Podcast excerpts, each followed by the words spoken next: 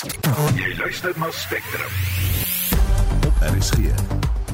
In die program Kusatu wys vandag sy misnoot en nie talle kwessies wat die samelewing benadeel. In ons gesprekke met die regering lyk dit my ons maak nie vordering om hierdie belangrike kwessies op te spreek nie. Ons vra waarom het minister so baie beskermingspersoneel nodig en Suid-Afrikaners se ongediagnoseerde geestesgesondheidstoestande kos die ekonomie miljarde rand. Die span is Justin Kennerly en Jan Daniel Labeskagni. Ek is Susan Paxton. Daar is geen verkeer. In die Weskaap Kaapstad, die N2 by Khayelitsha is in albei rigtings weer oopgestel na vanoggend se betogings.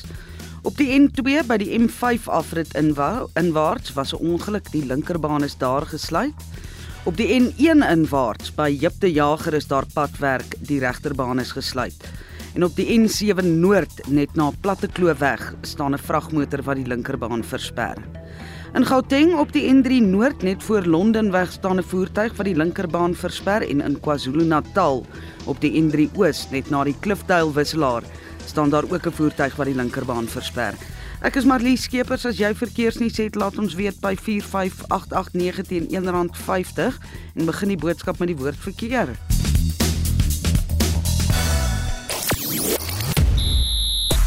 Op die cricketveld as dit maak of breek vir Engeland in die derde assetoets teen Australië. Nederland en Skotland pak mekaar ook vir 'n plek in die eendag wêreldbeker toernooi en Eddie Jones kondig sy Wallaby span vir Saterdag se rugby kampioenskap toets teen Suid-Afrika aan. Ek is Shaun Jooste vir RSG Sport. Nou Kusate bedoog vandag oor 'n lang lys kwellinge soos hoë misdaadvlakke, korrupsie, werksverliese en 'n eis dat die Sonderkommissie se bevindinge oor korrupsie onmiddellik in werking gestel moet word. En ons gaan bietjie later in die program daaroor berig, maar ons vra is betogings en stakings 'n manier om veranderinge teweeg te bring? Stuur 'n SMS na 45889 teen R1.50 per boodskap of praat saam op ons RSG Facebookblad.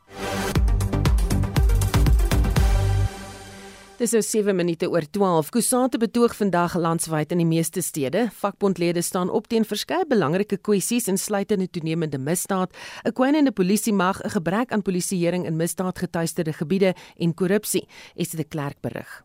Kusate se parlementêre beampte, Tony Arenreich, sê daar is 'n lys van 10 kwessies wat met spesifieke eise in verskillende provinsies aan die regering oorhandig sal word soos die kwessie van gendergeweld, die verhouding van die onderhandelingsprosesse wat in die land aangaan tussen arbeid en die regering of arbeid en die besighede. En dan is daar die kwessie van die algemene verarming van mense die korrupsie in die private sektor en die publieke sektor raak nou so erg dat baie baie van die geld liewerste in die sakke van skelms verland en nie die mense wat dit toekom en wat dit desperaat markeer nie.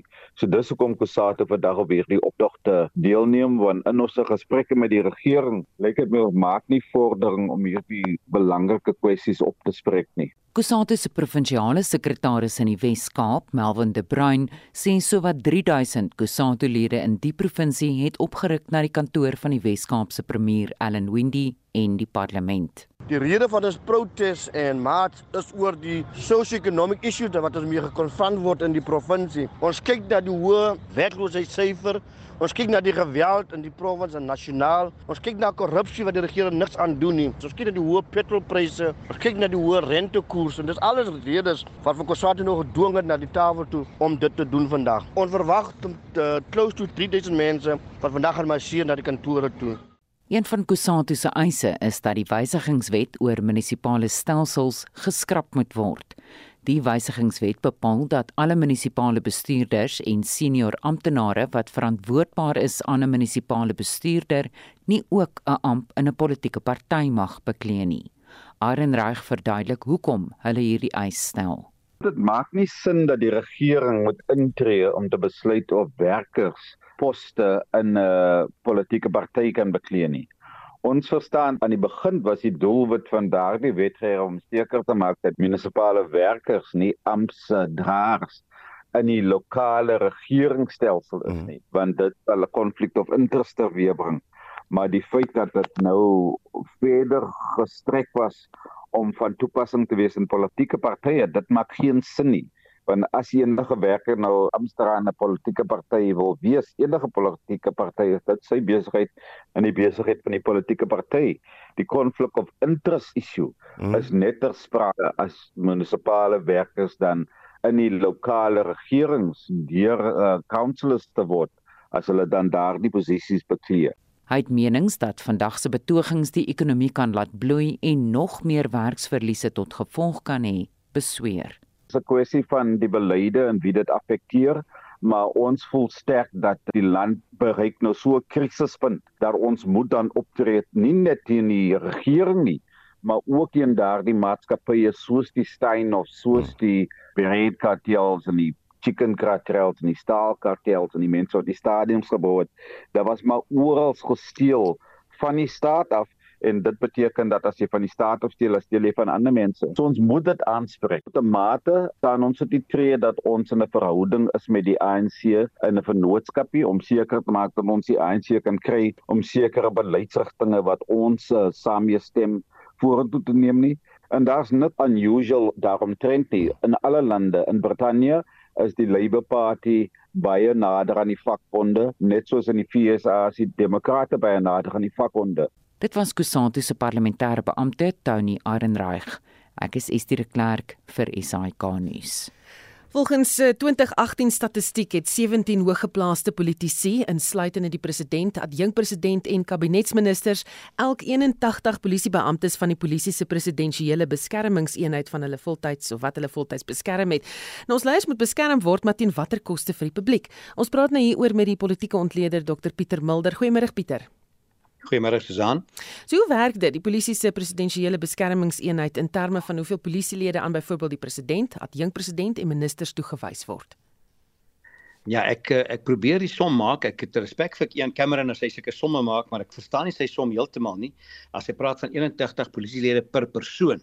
Onthou net die 400 gewone parlementslede het geen privaat persoonlike beskerming nie, ook nie die 90 raad van provinsielede nie. So ek kan nie na hulle verwys nie. Selfs die partyleiers eintlik het nie beskerming nie. Ek was 'n partyleier, ek het nooit polisie beskerming gehad as sodanig nie. Ek weet Dr. Pudelesi het gehad, maar ek dink Inkatha het self daarvoor betaal. So ek dink dit kan wees as hy net van die presidensiële beskermingseenheid praat, maar ander net die presidentsgedeelte, dan mag daai som klop, maar hulle kyk na die president, na die adjunkpresident en ook na hulle vrouens as ook die oud president soos Mbeki en Motlanthe. En dit kan wees dat daardie som uitwerk op 81 per lid, maar dis 'n bietjie willestelling om te sê alle politici as jy breed weg gaan. As jy dit breër vat, dan kom ons by wat hulle praat van die VIP Protection Unit, die baie belangrike persone eenheid. Nou hy kyk na die president soos ek nou gesê het, maar ook na 28 ministers en 34 adjunkministers. Nou as jy klaar sommige maak, dis 62. Dan kom die hoofregter by, dan kom die speakers van die parlemente by, die regter-presidente en dan kom daar 124 provinsiale politici by. Wat vir my baie erg is, maar dis ook deel daarvan is 9 premiers van die 9 provinsies, 9 provinsiale speakers en 87 uh, provinsiale ministers. Dis nou die LER wat oral kom. So rofweg hier praat jy van 200 sommer sê hoë profiel politici wat almal nou geregtig is op beskerming en dan is dit 'n reuse begroting, ek dink dit was 1,7 miljard gewees wat dan daarvoor begroot word. En dan is daar 'n kernvraag wat ek myself afvra, uh, hoe ver is dit beskerming en hoe ver is dit 'n duur uitleidprojek om individue wat glo dit is baie belangrik net te laat goed voel. Uh, as jy onveilig voel is my gevoel gewees en ek was self daar, dan het jy nie nodig om die aandag op jou te vestig nie want die blou ligte trek juis aandag. Waarom sal jy nou jou juis aandag wil trek daarvoor behalwe as dit 'n uitleidsprojek is daarmee saam? En as ek nou om ek na myself verwys het, ek was 3 maande korrespondensie voer met die polisie om blou ligte te verwyder uit die amptmotor wat jy kry. Jy kry hom as 'n amptmotor van die departement af, klaar met blou ligte. Sê ek maar ek wil nie blou ligte hê nie. Wat is sin daarvan? Sê nee, dis as as daar 'n noodsituasie kom. Sê ek nou wat is 'n noodsituasie? Nee, as ek 'n hartaanval kry, sê jong, dan sit ons hierdie gevaar flikkerligte aan en jaag ons daarmee rond. Ek wil dit nie hê nie en een na 3 maande het hulle myne verwyder uiteindelik, want ek dink regtig dis onnodig soos hulle tans blou ligte misbruik ja. Ehm um, jy sê hulle misbruik dit. Die persepsie bestaan dat die polisie se beskermingseenheid dalk dink hulle is verhewe bo die reg en reg en alle ander maatreëls. Wat dink jy? Absoluut so. As jy nou daai video kyk en onthou nou daai is nie die enigste geval nie. As jy gaan kyk, daar's iets so 7, 8 gevalle al waar daai eenheid 'n uh, moeilikheid gehad het, mense beseer het uiteindelik. Hulle is net magsbruik, magsdronk uiteindelik. Ek soek 'n sterk genoeg woord om te sê dis verwerplik. Soos hulle optree asof niks nie ek is so dankbaar iemand het afgeneem daarmee saam. Ek onthou by Kreeusdorp was dit die Thomas Ferreira ouetjie wat op sy motorfiets was, hulle het hom net afgery, hy's beseer, hy's lewenslange beserings daarmee gehad. Ons het Lydia en Marte geval gehad waar hulle mense ook aangerand het omdat hulle nie nodige respek getoon het nie. Nou dis regtig, dis Afrika styl en ek hoop gehoop ons sal dit vrykom, maar dis 'n misbruik daarvan en ek hoop kan ons hierdie geleentheid gebruik om vir eens en vir altyd te sê dis nie hulle werk nie, dis misbruik maak van hulle mag uiteindelik. Hulle glo hulle is bo kan die reg verhewe en ek is bekommerd dat die polisie nie sterk genoeg optree nie. Ek hoop die oppositiepartye moet dit dan maar doen, ja. Net op 'n ander noot, die voormalige minister in die presidentskap van 1999 tot 2008, Esop Hat, is vanoggend oorlede. Hy was ook 'n raadgewer van uh, Thabo Mbeki, oud oud president. Hoe onthou jy vir Hat? Ek het Paap redelik goed geken en die opsig interessant. Hy was uh, deel van die onderhandelingsspan Onthou die Volksfront het daai tyd onderhandel afsonderlik van die ander Kodese onderhandeling met meneer Mbeki, meneer Zuma was deel daarvan en Pahat was deel daarvan. En daar het mense mekaar op 'n dag tot dag basis gesien tydens onderhandelinge. Interessant genoeg, hy is gebore op Swazirenike en ek was vir 6 jaar parlementslid vir Swazirenike, so ons kon dan saam praat oor Swazirenike en ek het hom dan dikwels geterg om te sê hoe kon die dorp so slegte kommunis en so goeie Afrikaner oplewer? Waarvoor hy dan maar net gelag het wat uh, wat waar was is dat hy was uh, een van my bietjie se naaste vriende vertroueling en dit moet mens verstaan as jy sê die hele loopbaan gaan kyk hulle het mekaar in Johannesburg ontmoet toe Paat aan wit gestudeer het en is daarna saam Engeland toe so hulle was saam kamermaats as ek reg onthou by Universiteit van Sussex in Brittanje waar my bietjie en hy dan albei meestersgrade voltooi het. Hy het sy doktorsgraad daar gedoen in die geskiedenis oor die Indiër bewegings in Suid-Afrika en die soort van dinge. En hy het my vertel baie keer hoe hulle ure lank daar politiek gepraat het. Nou jy kan dink toe hulle terugkom hier het my bietjie onmiddellik aangewys as sy adviseur en ook later as minister as minister in die presidentskap. En daarom ook toe my bietjie bedank dat hy ook en ek bedank so hy was maar so 'n van die aanhangsel van my bietjie. Daar is mens kan oor sy persoon, hy was 'n aangename persoonlikheid. Hy was maar 'n politieke operator as ek die Engelse woord mag gebruik. Hy het byvoorbeeld die Gupta troue bygewoon as 'n gas.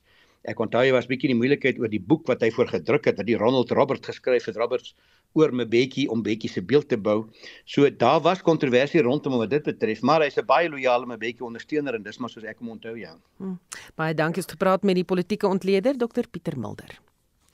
Inwoners van die Jenin vlugtelingkamp of vlugtelingkamp op die Wesbank oewer in Israel keer terug na strate en geboue wat aan flarde geskiet is deur Israel se weermag.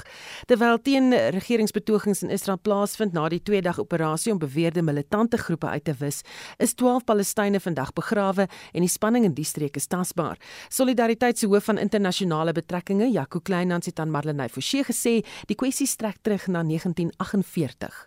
Die Palestynse vlugtelingkrisis het ontstaan in 1948 tydens die oorlog vir Israel se onafhanklikheid. Omtrent 700 000 Palestynë wat omtrent op daardie tyd 80% van die Palestynse bevolking was, ergens heen gevlug het. En in 1948 het daar dus hierdie tydelike vlugtelingskampe of dorpies ontstaan en daar was nooit regtig 'n behoorlike oplossing gewees oor hoe dit hanteer moes word nie. En hierna was dit die 6-dag oorlog van 1967 tussen Israel en Arabiese lande en nog Palestynë moes vlug. Israel het natuurlik 'n baie groot grondgebied beset. Hulle het ook beheer gekry oor die Wes-oewer en die Gaza-strook. Sedertdien was daar baie pogings gewees om natuurlik permanente vrede te bring tussen Israel en die Palestynë. En elke keer is die vlugtelingvraagstuk deel van hierdie onderhandelinge gewees. Is daar baie daaroor gepraat en was daar baie keer amper 'n deurbraak gewees. Nou heel partye is na Jordanië waar hulle goed geïntegreer word. Ander is Sirië toe van waar hulle weer moes vlug en ander bevind hulle in Libanon. Daar is eintlik 'n paar jaar gelede nog mure gebou rondom van hierdie Palestynse vlugtelingkampe.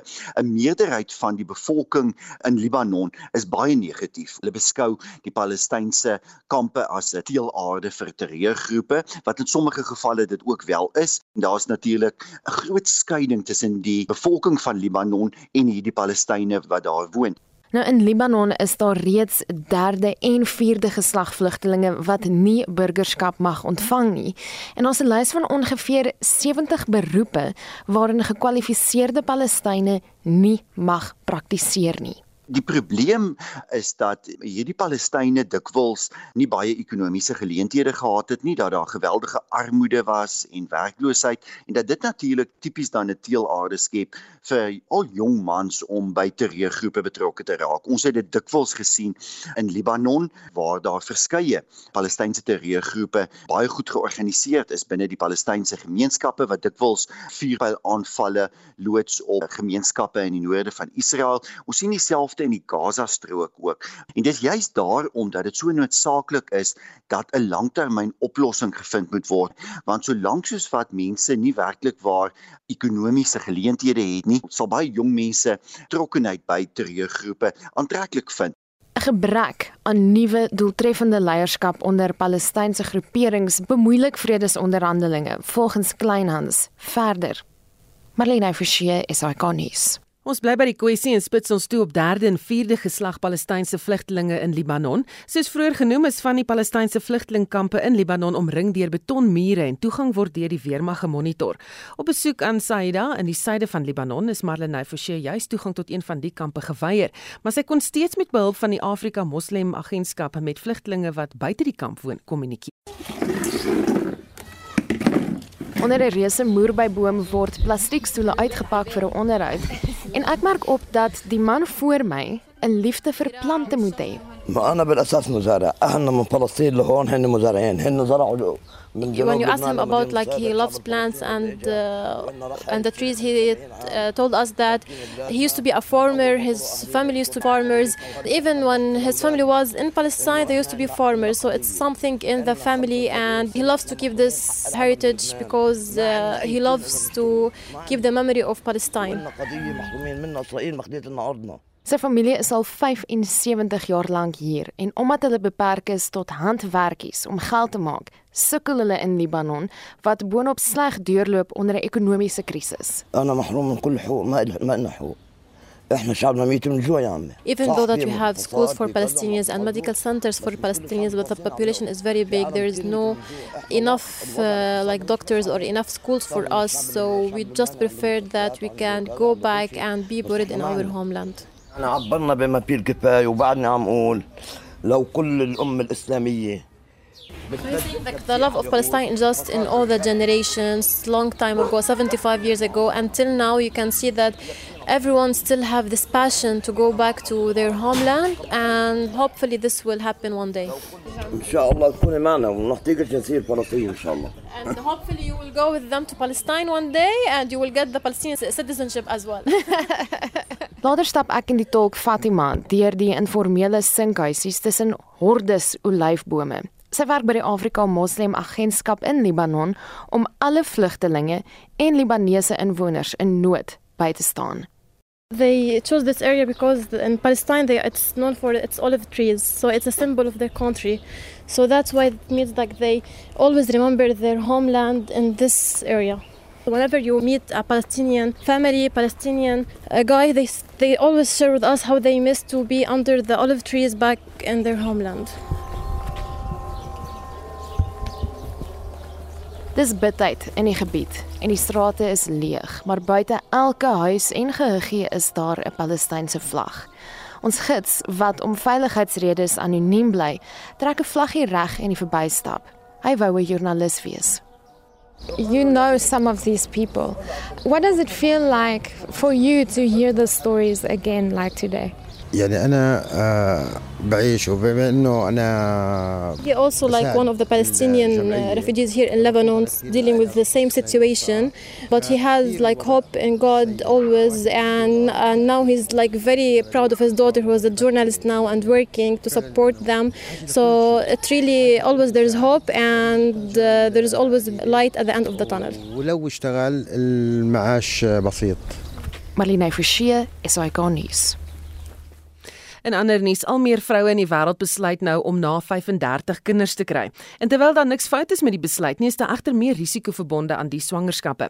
As deel van 'n plan om vroue met die proses en keuse te help, het die Medikliniek groep 'n mediese toets bekend gemaak wat nie net veilig is vir die ma nie, maar ook vir haar toekomstige kind. En ons praat nou met Dr. Liani Smit, 'n genetikus van Medikliniek. Goeiemôre Liani. Goeiemiddag Susan. Kom ons praat gou eers oor probleme met laat swangerskappe. Sien ons baie probleme en watse tipe probleme? So ek dink dit is belangrik om te weet dat in die algemeen in so, meeste swangerskappe is beide die ma en die baba heeltemal gesond selfs al sou 'n ma besluit om haar swangerskap uit te stel tot 'n ouer ouderdom.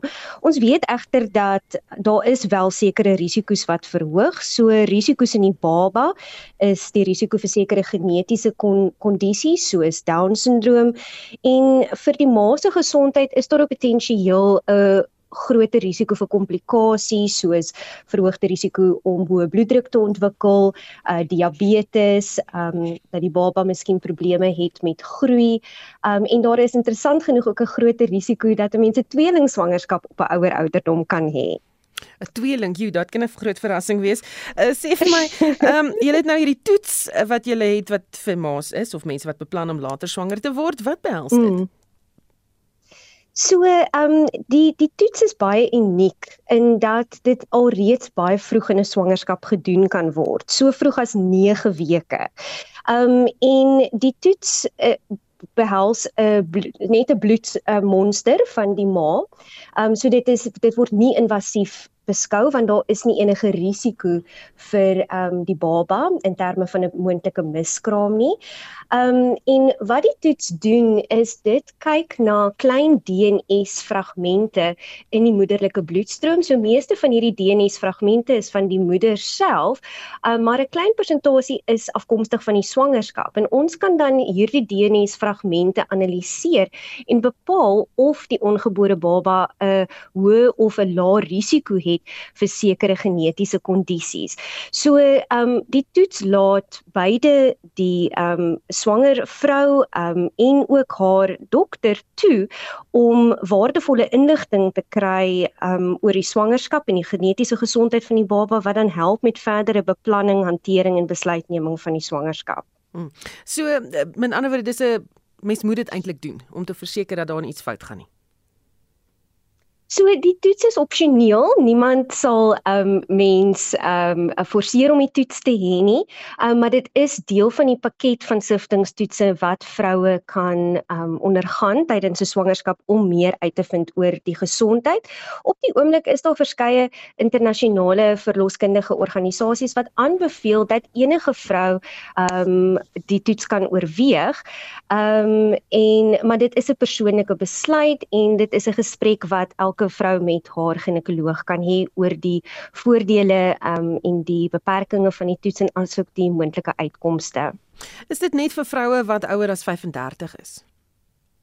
So nee, enige vrou kan die toets ondergaan. Um en die rede daarvoor is dat ons weet dat genetiese kondisies kan in enige swangerskap gebeur, onafhanklik van die moederlike ouderdom, onafhanklik van mense familiegeskiedenis of jou agtergrond uh gesondheids um uh, geskiedenis. So um so die NIPT toets is definitief beskikbaar vir enige iemand.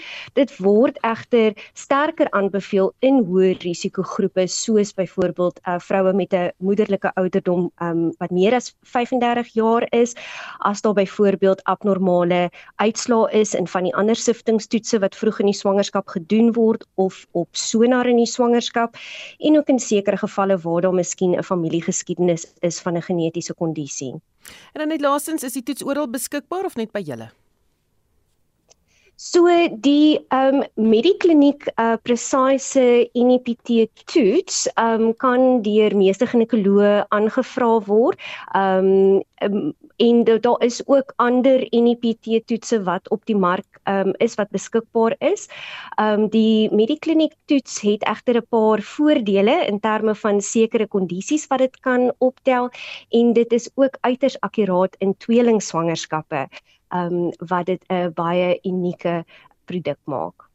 Baie dankie. Dit was Dr. Leonie Smit, genetikus van Medikliniek. Jy luister na Spectrum.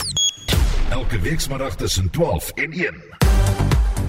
Later in die program Oupoot speel wegkruipertjie met baie goeie redes. Wat sy doen is sy gaan heeltemal van die pad af en dan staan sy baie baie stil daar en wag totdat jy loop So ek dink dis asof sy weet is op haar eie en die manier hoe sy in die landskap beweeg is so ongelooflik versigtig. Sy is so slim, sy weet presies hoe om mense te sidestep.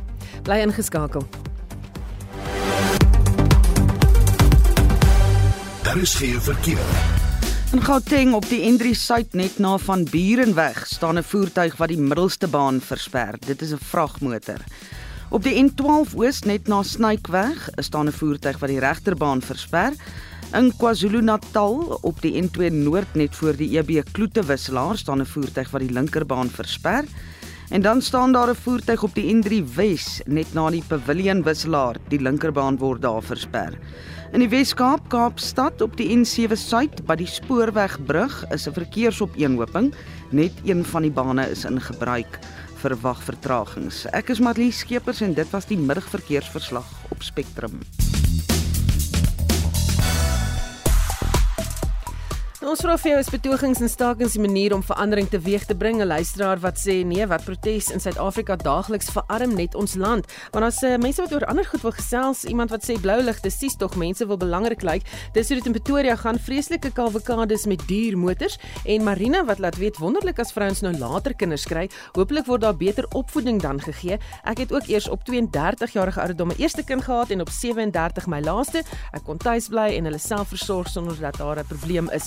Nou jy kan steeds saamgesels oor enige eintlik van die stories wat ons eh, behandel. Jy's welkom 45889. Onthou SMS se kos R1.50 of sê vir ons wat dink jy van hierdie betogings? Dink jy dit uh, stakings en betogings kan verandering in die land teweegbring? Sean Joos sluit nou by ons aan met die sportnuus. Goeiemiddag Sean. Goeiemiddag Susan. Nou ons bou op die spel op die cricketveld in die Asse reeks en ook in die eendag wêreldbeker kwalifiseringstoernooi. Ja, en die, die derde van 5 toetse in die reeks om die Astes in Engeland en Australië 12 uur op Headingley en Leeds begin.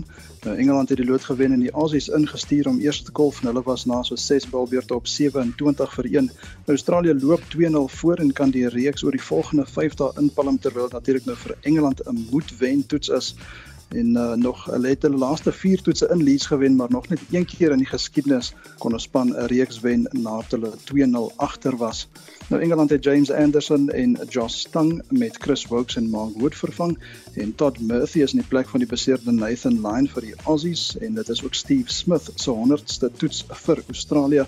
Dan in die eendag wêreldbeker kwalifiseringstoernooi in Zimbabwe pak Nederland en Skotland mekaar op die oomblik en met die wenner kan natuurlik hulle plekke later die jaar in Indië bespreek. Nou Nederland het Skotland vanoggend gevra om eers te kolf en na 49 balbeurte was Skotland op 265 vir 8.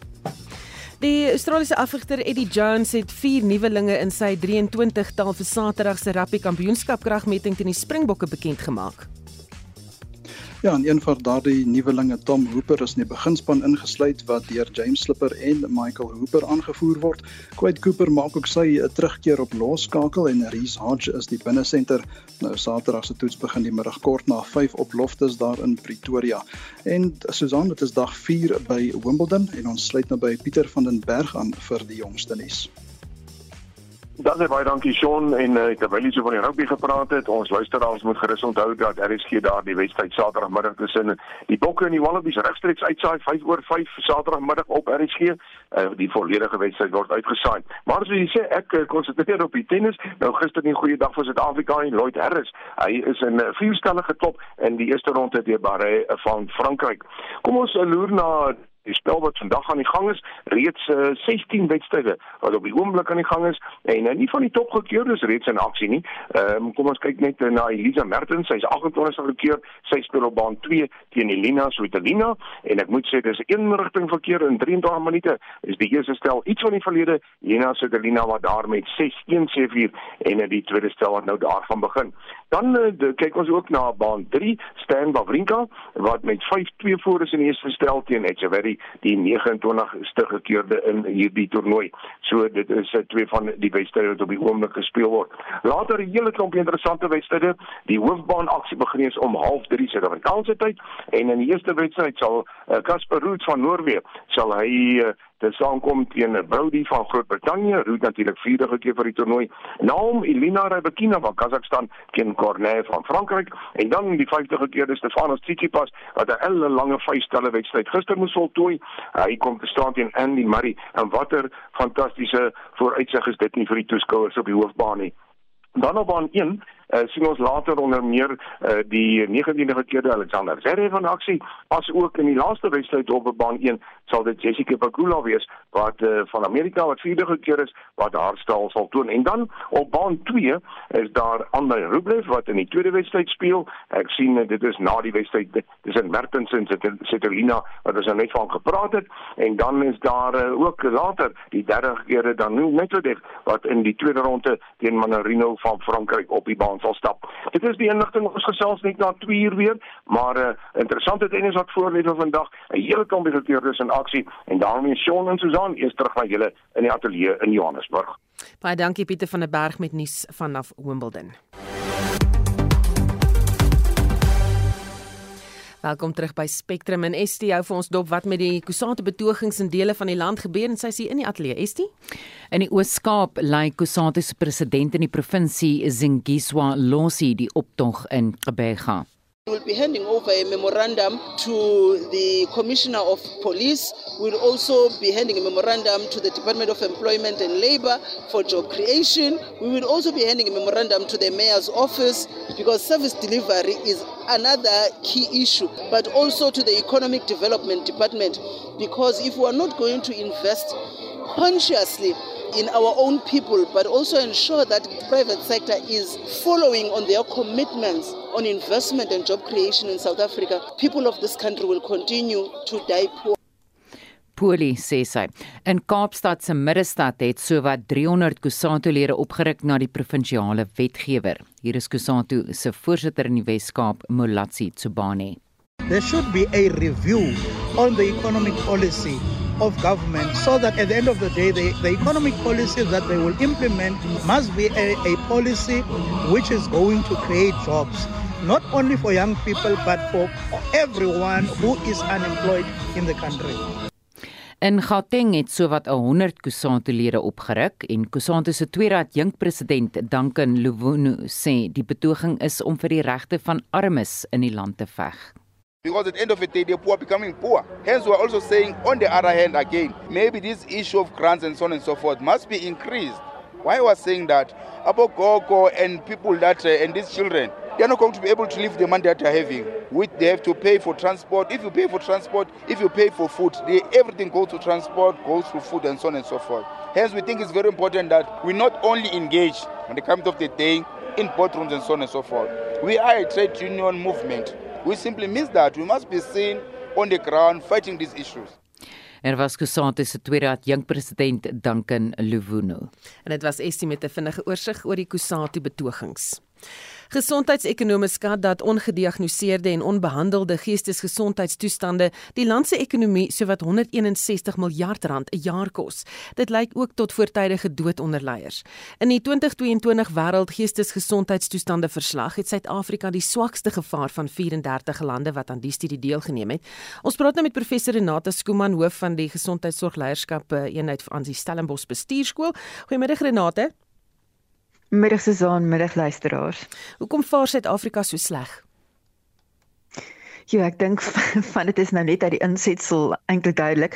Ons het aanslagte op ons gemoed uit vele oorde. Ons het die sosio-politiese omstandighede, onsekerheid, geweld, um, onwerkloosheid ensovoorts maar dan het ons ook nog die nagevolge van die COVID pandemie waar daar persoonlike verliese was, gesondheidsprobleme was en dan ook werksverliese was.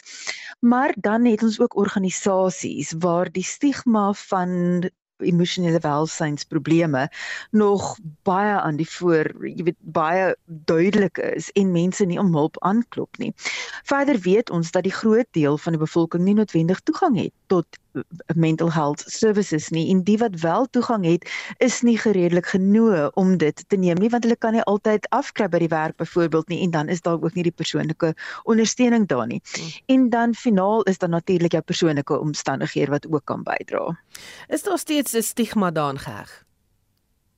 Ja, ongelukkig. Ek dink ons het verskriklik baie gevorder oor die afgelope paar jaar. Ek dink eintlik oor die afgelope 8 jaar het dinge redelik verbeter in die land.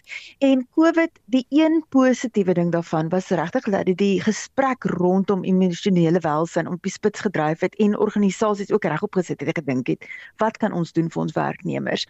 Maar ongelukkig het hierdie investment of fokus getaan oor die afgelope paar jaar en die gesprek is minder en mense is absoluut bang as gevolg van die onsekerheid in terme van werk om miskien die gesprek te erken maar ek sukkel ek het hulp nodig want daar is nog hierdie stigma van ek is dalk swak maar daar is ook die groter realiteit van moontlik gaan iemand dalk maklik my werk verloor. En hoe groot is die impak op die ekonomie Dit is regtig onrusbarend. Vorige studies het gesê dis min of meer 54700 rand per persoon wat aan 'n toestand ly. Maar as jy kyk na die nuwe statistieke soos wat ons ook genoem het op die 161 miljard rand per jaar, dit kyk net na mense wat reeds in diens is. Jy weet so dit is employees. Ons raak nie eers hier aan iemand wat nie werk op hierdie stadium nie.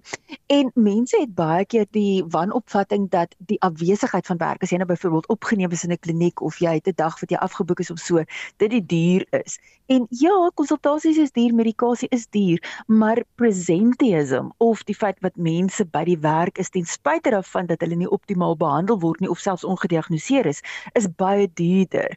Mense kan duur foute maak. Um en mense is ook dan meer onproduktief by die werk wat weer die lading op ander verhoog en natuurlik dan kan bydra tot verdere probleme.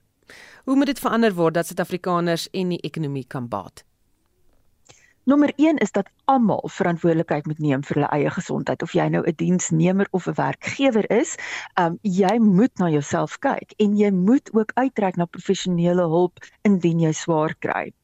Die tweede ding is dat gesondheids- en veral geestesgesondheidsprogramme moet deel vorm van die kultuur by die werk en dit moet embedded word en nie net reaktief wees as daar reeds 'n probleem is nie, maar ook voorkomend veral dan met anti-stigma programme, maar ook opvoedkundige programme en ook wat ons noem veerkragtigheidsprogramme om mense te help om stres beter te kan hanteer. So dit moet proaktief wees om probleme te voorkom, maar dit moet ook uitgebrei word om mense wat reeds swaar kry beter te kan bystaan. Dit moet toeganklik wees en beskikbaar wees en dan ook help om mense te herintegreer in die werkplek met byvoorbeeld die hulp van 'n arbeidsterapeut um en reasonable accommodations wat die Engelse woord is volgens die wetgewing maak om mense dan te herintegreer by die werk. Baie dankie dit was professor Renata Skuman hoof van die, die gesondheidsorgleierskap eenheid aan die Stellenbosch bestuurskool. Ons bly by geestesgesondheid maar verskuif die fokus na skole en praat nou met die adjunkhoof van die Federasie van Beheerliggame van Suid-Afrikaanse skole FETSAS, Rian van der Berg. Goeiemôre Rian. Maar Suzan. So daar's baie druk by mense geestesgesondheidsprobleme. Wat sien julle in skole onder onderwysers en leerders? Is geestesgesondheid 'n probleem en word dit erken? Ja, nee, dis definitief 'n probleem. Ehm um, en dis wêreldwyd 'n probleem. Ek was laas jaar by die Britse onderwystegnologie skou en interessant was een van die hooftemas by 'n tegnologie skou die geesteswelstand van onderwysers sowel as leerders. Ons moet onthou dat skool maar net 'n uh, subafdeling van die samelewing is en ja, as die samelewing met ietsie worstel, dan gaan die skole daarmee worstel. En dra druk om sosiaal in te pas. Druk wens sosiale media om volgelinge te hê byvoorbeeld by tot kinders se selfvertroue of 'n gebrek daaraan. Ja, ek dink dis 'n baie groot kwessie en daar's baie gepraat daaroor. Baie mense waarsku baie sterk daarteenoor en ons kundiges wat wat oor die saak praat, maar ek dink ons moet onsself vind in hierdie wêreld. Ehm um, leerders is baie geneig om net nog een like, nog een post, nog een tag te wil soek. En en daardie aanvaarding is is vir hulle belangrik, maar ons moet slim daarmee te werk gaan. Ons moet digitale uh burgerskap, digitale geletterdheid leer en en die en die kinders, miskien die leerders meer leer van identiteit en en wie hulle is en waar hulle waarde kry. Ons sien geweldig baie kiberboelery, ehm um, selfskade of selfleed, uh kinders wat wil inpas en en en dan is daar probleme daarmee. En dan die druk die druk om te presteer. Jy weet ons skoolstelsel is gebou op 'n hoeksteen van van meting en assessering en daar's baie druk om om beter te wees of net een beter te wees as die as die maatjie en dis meer. En ek dink dit sit baie druk op die leerders. En in die skaduwee van van die pandemie sien ons al hoe meer die die die toename in in druk en die hantering daarvan. Nie net by leerders nie maar ook by personeel. Die personeelkamers ook nie 'n uh, baie gesonde plek op hierdie stadium van die wedstryd nie. Hm. kan julle al agterkom of leerdlinge of personeel dikwels afwesig is weens geestesgesondheidstoestande Ja, ons sukkel om daardie statistiek te bevestig. Uh, die rede vir afwesigheid vir een dag is nie noodwendig uh weet een waarvoor jy 'n uh, doktersbrief nodig het nie.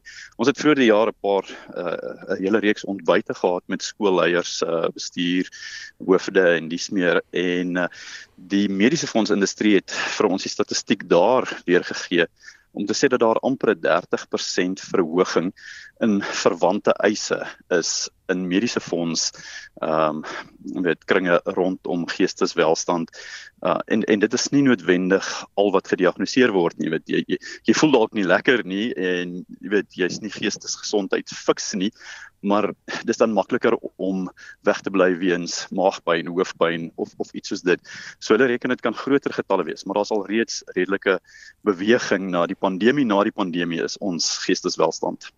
Hmm. Sê vir my wanneer 'n leerling byvoorbeeld in 'n skool sterf, watter impak het dit op mede-leerlinge en die personeel se emosionele welstand?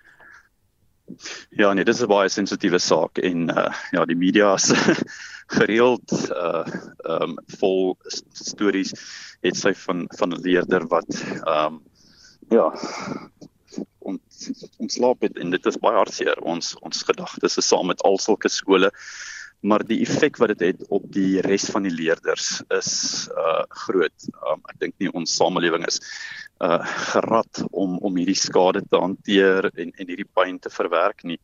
En um, ja, ons voorstel aan skole is om onmiddellik in te tree met beraders, sielkundiges en en ja, dit na die geleentheid of na die gebeurtenis te hanteer, maar ons probeer ook met programme vooraf skole ja aanmoedig om te sê kyk proaktief na geesteswelstand praat oor die die feit dat dit eintlik oukei okay is om nie oukei okay te wees nie.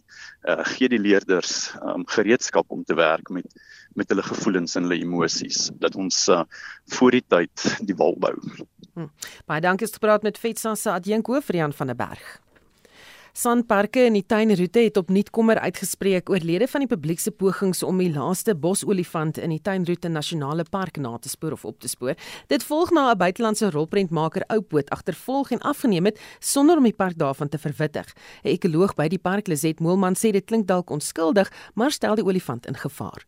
As gevolg van die, hierdie agtervolging het die olifant die afgelope paar dae heeltemal wegbeweeg uit haar gewone loopsarea en dit is nogal 'n tipe van 'n gedragspatroon wat ons al baie opgetel het is dat as sy die hele tyd getuiste word en iemand is die hele tyd in 'n area dan beweeg sy bietjie weg uit haar area uit. En een van die redes hoekom ons juis nie heeldag en aldag ons foto's en video's van die olifant aan die publiek bekend maak nie. Elke keer as dit gebeur, dan is daar amper half 'n hernieude belangstelling in die olifant en dan is daar opname en mense wat haar probeer sien en haar dan so tuister. Moelman sê dis onnatuurlik vir olifantkoeie om op hulle eie in die natuur voor te kom. Wat kan lei tot geweldige spanning vir die individu wat op haarself aangewese is vir haar veiligheid. Dis juis hoekom hulle probeer om menslike interaksie tot 'n minimum te beperk. Sy is ongelooflik ongelooflik skaam. Ons het 'n paar keer per ongeluk in haar vasgeloop toe ons kameras opgesit het. Ons het net dadelik gestop en net daar gestaan en wat sy doen is sy gaan heeltemal van die pad af en dan staan sy baie baie stil daar en wag totdat jy loop. Dis asof sy weet dis op haar eie en die manier hoe sy in die landskap beweeg is so ongelooflik versigtig. Sy is so slim, sy weet presies hoe om mense te sidestep. Baie keer kry ons requests van mense wat sien 'n trail running wil. Ons is ook baie versigtig hoe ons daai tipe van goed reël in haar loopgebied. Maar sou dit dan nie help om ander olifante in die woud te vestig nie? Moelman sê sandparke oorweeg dit, maar is nie haastig nie omdat dit 'n uiters komplekse kwessie is. Eerstens is daar geen heininge om park nie. Dit is nie soos ander areas waar jy een aan een lopende stuk sandparke land het nie. Omdat daar nie heininge is nie, maak dit baie moeilik want olifante bly nie net altyd in 'n sekere area nie. En alhoewel hierdie olifant wat mens noem soft boundaries waar jy nie heininge het nie. Sy respekteer dit. So sy gaan nie jy weet uit haar die natuurlike areas uit nie. Weet mens nie of ander olifante dit ook gaan doen nie. Dan weet mense ook nie hoe sy op ander olifante gaan reageer nie. Sien maar jy bring 'n bil in wat jy in elk geval volgens die legislasie nie mag omdat sy nie in 'n trop is nie, kan sy getuister word deur 'n bil. Of as jy ander olifante inbring en jy dalk 'n trop wat nou al klaar cohesive is, gaan hulle haar aanvaar, gaan sy hulle aanvaar. Derdens is dit ook 'n kwessie van of ander olifante in die bos sal kan oorleef. In 1994 is daar olifante van die Kruger Park vrygelaat in die area en hulle het glad nie in die natuurlike olifantloopsgebied gebly nie en op op die farmlands langs dan nogal baie damage gedoen.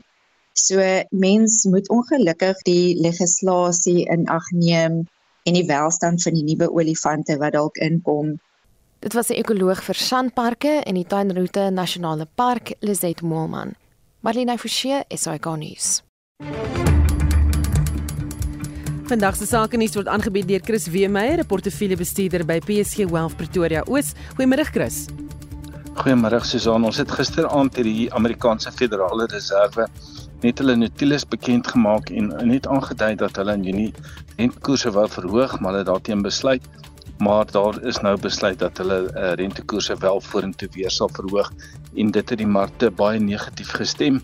Negatief stygende koerse is baie nadelig in die eerste wêreld want verbruikers is gewoond aan feitelik gratis krediet en die stygings gaan veral die huismark baie nadelig tref. So alles rooi vandag ons mark vandag vir 'n derde dag negatief die algehele indeks nou 'n persent laer op 75109 Navrats indeks 1,3% laer Hulbronne 1,3% laer en die finansiële indeks nou 0,6% laer. Nou eh, van die aandele wat die oog vang veral by die miners wat onder druk is Anglo Plats 3,1% laer Sibanye 2,4% laer Northern Platinum is 2,3% laer. So dit lyk nie baie positief uh, met die miners nie. By die banke ook nie te goed nie. Ons sien vandag dat die Investex se prys 1.5% laer is, Capitec verloor 1.2%, uh, Standard Bank is uh, 3/4 van 'n persent laer en Netbank nou 0.5% swakker, Absa 0.3% laer. So nie 'n positiewe dag op ons beurs vandag nie, bitter min goeie nuus. Die rand wat ook nou begin swakker neig teenoor die dollar. Uh, hy verhandel tans hier op uh, R18 90, ekskuus tog 99. Hy's nou net oor die 19 rand vir Amerikaanse dollar. Eerder kos jy nou R20.69 en 'n pond R24.26. Maar in Europa ook negatief. In Londen die FTSE 1,4% laer, Frankfurt die DAX 1,2% laer en Parys is die kyk nou 1,8% laer. Goudprys uh so 'n bietjie hoër op 1924 dollar per fyn ons platinum op 928 dollar en dan uh, die olieprys wat maar onveranderd bly op 76 dollar 63 per vat. Dit is nie baie maatskappye nuus vandag nie, so redelike stildag op die beurs. Susan, dis al van my kant af vandag. Baie dankie. En dit was Chris Weemeyer, portefeuljebestuurder by PSG Wealth Pretoria Oos. Ons herinner inwoners van Johannesburg net weer aan beplande instandhoudingswerk wat kan lei tot watertekorte. Randwater sê die beoogde herstelwerk by die Eikenhof pompstasie vereis dat watertoevoer vir 2 dae lank gesny word. Dis nou tussen 11 en 13 Julie volgende week. Marlene Forsie het meer besonderhede. Woongebiede wat geraak word sluit in Rodepoort, Randburg, Sentraal Johannesburg, Ennerdale, Southdale, Soweto en diegene wat water direk vanaf Randwater ontvang. Die woordvoerder Nombuso Shabalala brei uit. The planned rainwater shutdown is taking place from 7 p.m. on Tuesday, the 11th of July, to 3 p.m. on Thursday, the 13th of July. Customers are requested to store water 48 hours, which will be on Sunday, the 9th of July, prior to the start of the shutdown. This is to help in sustaining capacity within the impacted reservoirs and towers. Sy sê die instandhoudingswerk is tweeledig. The purpose of the planned shutdown is to install isolation valves and conduct systems upgrades at Randwater's Aikenhof pump station. It is estimated that full recovery of the systems may take approximately 5 days or longer after supply has been fully restored. Shabalala sê Johannesburg Water sal alternatiewe waterbronne voorsien aan hospitale, klinieke, skole, munisipale en polisiekantore as ook inkopiesentrums. Marlene Forsie, SAK nuus. Malenay hou ook vir ons eh, die dag se nuus en ontwikkelende stories dop in die berigte Bloulig Brigade voorval trek steeds heelwat aandag. Ja, soos aan volgens 2018 statistiek het 17 hoëgeplaaste politici elk 81 polisiebeamptes van die polisie se presidensiële beskermingseenheid wat hulle nou voltyds beskerm het. So hoe nodig is dit? Hier is die mening van Dr Pieter Mulder, 'n voormalige LP en politieke ontleder. Hoe ver is dit beskerming en hoe ver is dit 'n duur uitleidprojek om individue wat glo dit is baie belangrik net te laat goed voel. As jy onveilig voel is my gevoel gewees, dan het jy nie nodig om die aandag op jou te vestig nie, want die blou ligte trek juis aandag. Waarom sal jy nou jou juis aandag wil trek daarvoor behalwe as dit 'n uitleidprojek is daarmee saam? En as ek nou om ek na myself verwys het, ek was 3 maande korrespondensie voer met die polisie om blou ligte te verwyder uit die amptmotor wat jy kry en minstens 17 mense is dood in 'n informele nedersetting oos van Boksburg na gasinasemming. Nou die uitvoerende burgemeester van Ekurhuleni, Sibuyile Ngodwana, was vroeër buite die hospitaal waar pasiënte behandel word. There were 11 people that were brought to hospital, including four children. The youngest one is 2 months old. And it's very sad yes so out of that 10 9 of them they can breathe on their own The other one is still on oxygen. The doctor told us that in the early hours of today, he started to open his eyes. I can say that it's a poisonous and dangerous gas. Die premier van Gauteng, Panyaza Lesufi, sê intussen hy ondersteun eise van uit die gemeenskap dat die weermag ingeroep moet word om onwettige mynboupraktyke hok te slaan, dit omdat die voorval verbind word aan die praktyk. They need to give support to the police and other things. We need a combination of many things. The army might assist, but they can't be here permanently. It must be a certain limited period. The call for the army is correct. We support that. I really believe we need to strengthen the firepower of our police force. Storie wat ons deurlopend dophou en dan die omgewingsnuus wat op ons radar is in die oomblik. Die aantal groot wit haie aan die kus van Mossel Bay neem na bewering af weens orka en ander haai aanvalle. So ons verslaggewer Tanya Krause volg dit op as dit iets is waarna jy belangstel, maar jou ore spits jy op die nuusaktualiteitsprogramme. En dan op die internasionale nuusfront het ons kort tevore verneem die berigne Wagner groep se baas, Yevgeny Prigozhin, is nie in Belarus nie, maar hy sou in in Rusland Sint Petersburg. Die nuus is bevestig deur Belarusse president Alexander Lukasjenko. Nou het verlede maand 'n kort rebellie teen Rusland gelei. Dit is nou Prigozhin. Ehm um, maar aanklagte teen hom is laat vaar indien hy sou besluit om in Belarus te bly.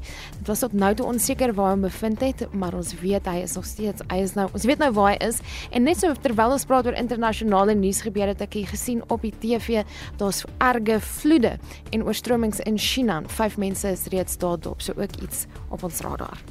Baie dankie, dit was Marlenae Forsie met 'n samevatting van die afgelope uur se nuusgebeure. Ons praat steeds oor uh, of jy dink betogings en stakings die manier is om verandering teweeg te bring en ek sien dat uh, Gloria van Graan skryf I so agree of Kusatu if I was younger I would join them but uh, at over 80 it's not possible but I wish them the best of luck we cannot be ignorant as to what is going on. Dan sê Hanley Oosterhuis dit is belangrik al hierdie optogte en stakings maar nie hoe dit wêreldwyd beoefen word nie met geweld en plundery. Die persoon wie se winkel geplunder word is heel waarskynlik ook in die optog. Ek sal ook daarin wil deel deelneem, maar nie ten koste van my lewe nie. En dis dalk 'n belangrike punt wat sy maak. Voel jy veilig? Sal jy aan so iets uh, deelneem? Dan op die SMS lyn ook 'n klomp terugvoer en iemand wat dalk gesels oor die olifante. Ehm um, hulle sê Ado beampte het al vertel dat olifante selfs al 'n pad toegemaak het met takke as daar geboorte of 'n probleem in die trop is. En dis 'n aanleiding van ons storie oor Oupoot daar in die Nuisnabos. Onder vorige uitsendings van al ons nuusaktualiteitsprogramme is op rsc.co.za beskikbaar. Ons groet namens ons waarnemende uitvoerende regisseur Hendrik Martin, die redakteur Justin Kenner Kimberley. Ons produksieregisseur is Jan Daniel Labeskagni. My naam is Susan Paxton. Bly ingeskakel vir 360.